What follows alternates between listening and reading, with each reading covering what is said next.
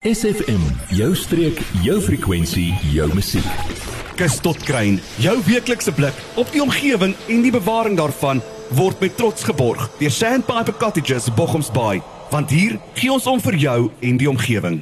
Môre almal op hierdie lekker wintersdag, dis amper die middel van die jaar. Wat noem hulle dit solstice in Engels en dit is die 21ste Junie is blykbaar die kortste dag van die jaar en die langste nag en ek sien uit na die draai van die seisoen ek moet vir julle sê.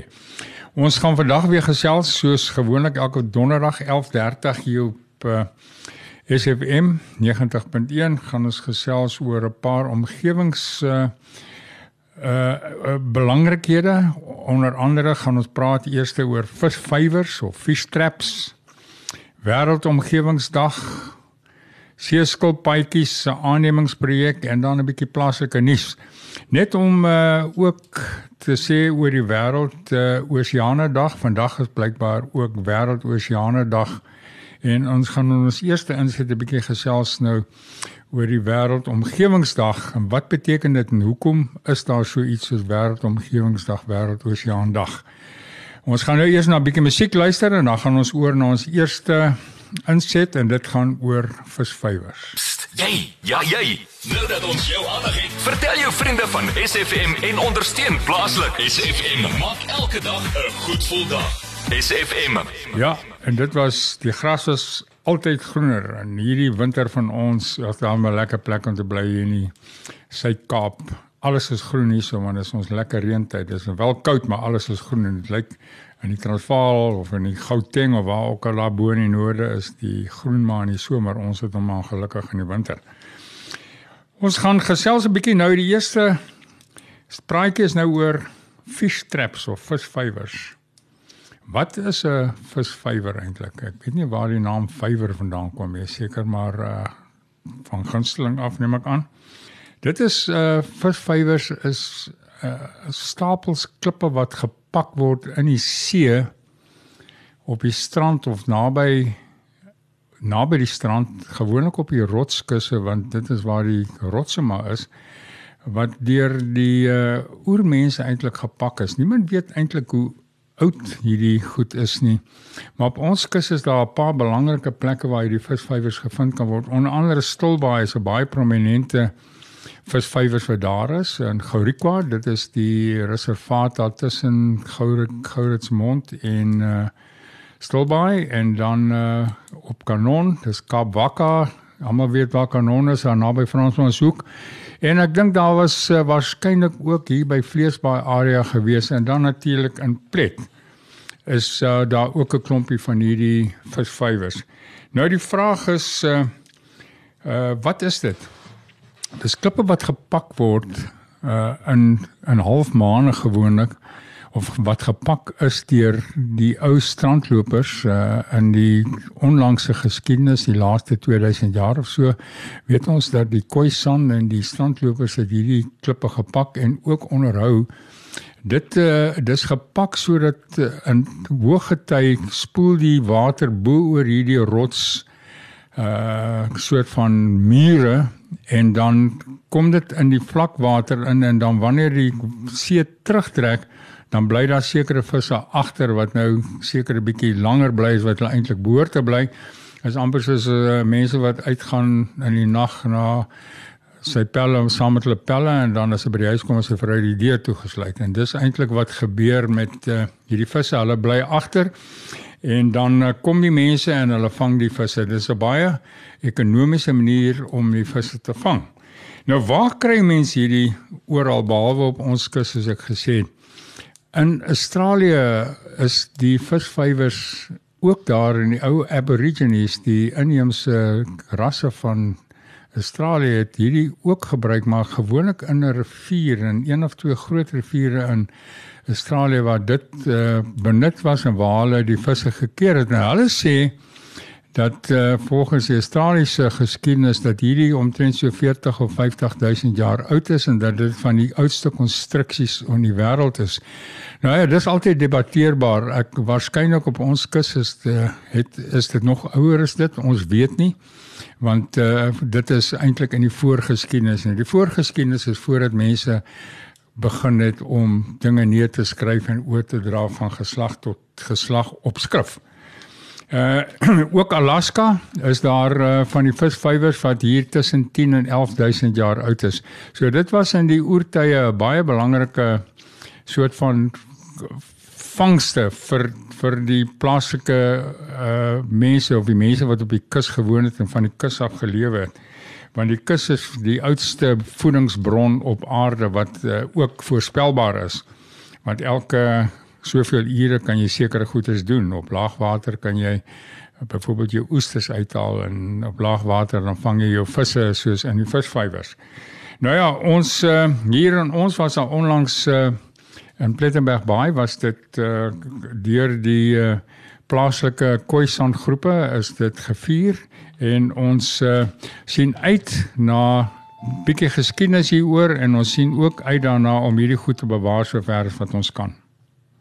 En vandag ag nou gaan ons gou-gou 'n bietjie luister en dan nog 'n bietjie musiek en dan gaan ons oor na die wêreldomgewingsdag. SFM maak elke dag 'n goed gevoel dag. Daar's niks soos goeie musiek om mense lewe aan die gang te hou nie. Ons gaan bietjie gesels nou oor wêreldomgewingsdag.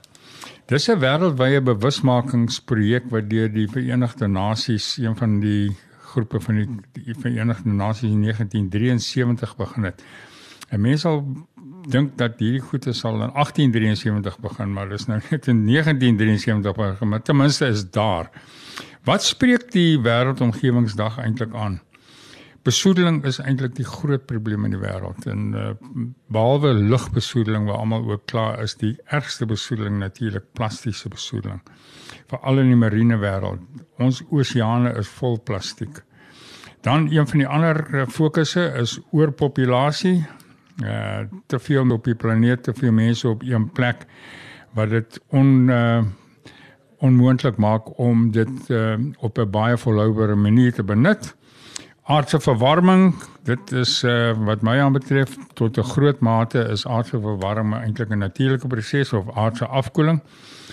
Uh volhoubare ontwikkelings, jy weet 'n mens kan ontwikkel en jy kan vernietig of jy kan in die natuur ontwikkel saam met die natuur of teen die natuur en dan onwettige wilde lewe misdade mense wat misdade pleeg wat oor die wilde diere wat smokkel met wilde diere en so aan.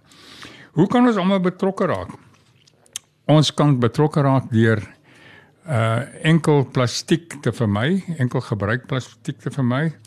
Ons kan uh, plastiek optel as ons iets sien. Ons gooi nie ons stompies by die venster uit of trappe dood in die straat en dink dit gaan maar net verdwyn nie want dit gaan maar net oseaan toe. Ons kan uh, kyk na hoe ons ons tuine oppas. Ons kan kyk na inheemsplante en nie uitheemsplante nie. So op daai manier kan ons almal betrokke raak as ons wil. Ons kan water bespaar, ons kan bome plant en ons kan volhoubaar ontwikkel. Uh Ons gaan nou 'n bietjie nog 'n bietjie musiek kry en dan gaan ons oor na die seeskilpad aannemingsprojek deur Two Oceans. SFM, 'n juweel van die Suid-Kaap. Ja, ons gaan aan met ons programmetjie, ons gunsteling program van die week wat my aanbetref en ek hoop 'n klompie luisteraars wat nou inskakel ook en wat gereeld inskakel en dit is ons program Kus tot Kruin op SFM elke donderdag omtrent 11:30 begin ons en ons maak so 12 uur se kant klaar.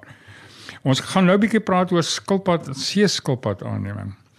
Die laaste paar maande al is hier projek aan die gang deur die Turtle Rescue Operation om seeskilpaadjies op te tel wat op die strand uitspoel.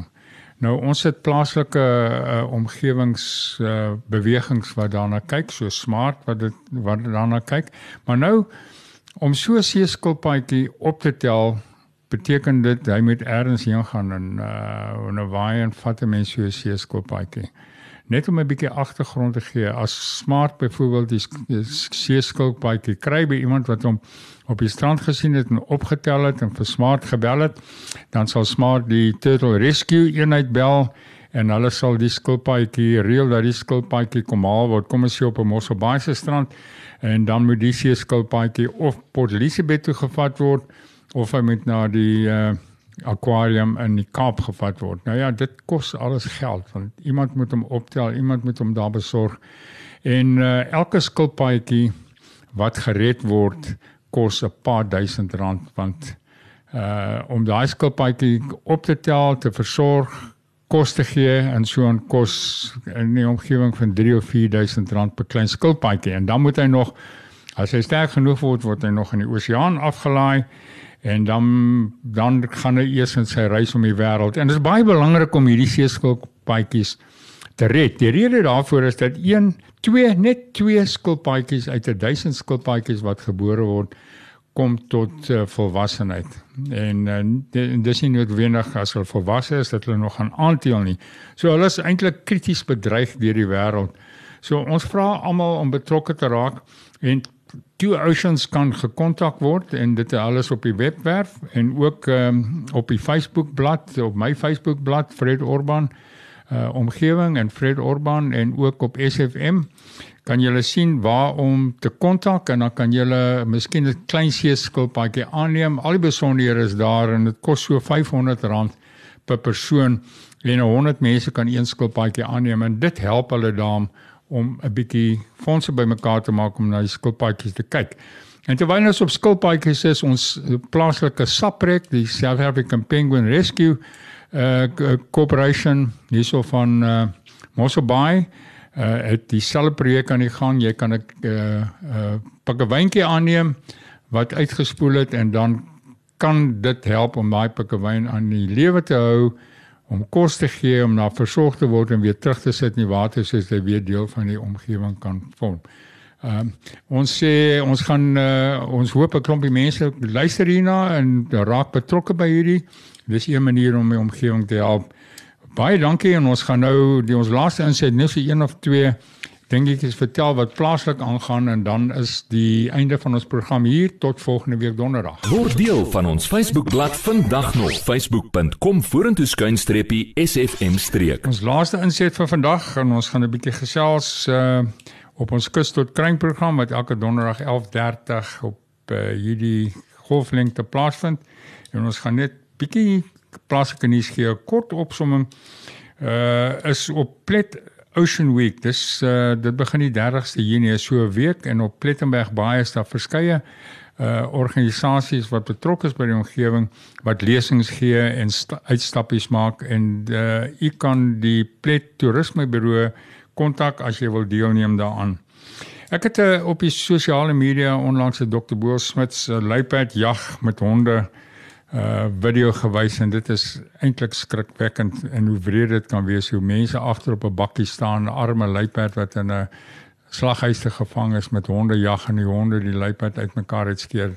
Dit maak 'n mens net wonder wat maak ons mense met ons wild? Ons dink ons is groot en ons is baie dapper, maar dit is nie eintlik 'n baie goeie manier om hierdie soort van uh edeldiere eintlik te verwoes nie. Uh dis hierdie luiperdjag is ook uh iets van uh 'n projek of 'n praatjie wat ons op enige st stadium ook kan hou met dokter Smith van die uh Landmark Foundation. Ons winterblomme pragt hier in die Suid-Kaap is die blomme pragtig daar en ons ons kan dit volhoubaar benut want ons blomme byvoorbeeld die alwyne word kommersieel benut maar hulle word ook na gekyk deur die mense en dit uh, versorg volhoubaarheid en dan natuurlik die die heuningbostee, honeybostee, rooibostee en so dit is eintlik blomme wat ons het en wat ons oppas want hoekom pas ons dit op? Ons maak gelde uit. En uh die natuur is nou maar daar wat sy opofferings maak, maar ons moet na hom kyk anders te verwoes ons hom. En die uh Ons kan onsself ook afvra, jy weet, het ons hierdie week 'n bydrae gemaak tot die omgewing se opheffing of tot die omgewing se bewaring of het ons nie en wil ons of wil ons nie? Dis almal se eie keuse, maar ons hoop dat as jy ietsie sien wat nie reg lyk of reg is nie, probeer iets doen om of sluit aan by jou naaste bewaarja. Maar baie dankie luisteraars en ons uh, praat weer volgende week donderdag 11:30 hier op Kus tot Kruin. Baie dankie. Hierdie program was vir jou gebring deur Sandpiper Cottages in Bochomsbaai, weggesteek in 'n ongerepte baai en Bavaria off the beaten track, slegs 30 km vanaf Mosselbaai. Kontak Sandpiper Cottages via die webwerf sandpiper.co.za of per WhatsApp 081 071 6735. Adverteer jou besigheid vandag nog op SFM. Vir meer inligting skakel SFM gerus by 044 801 7811.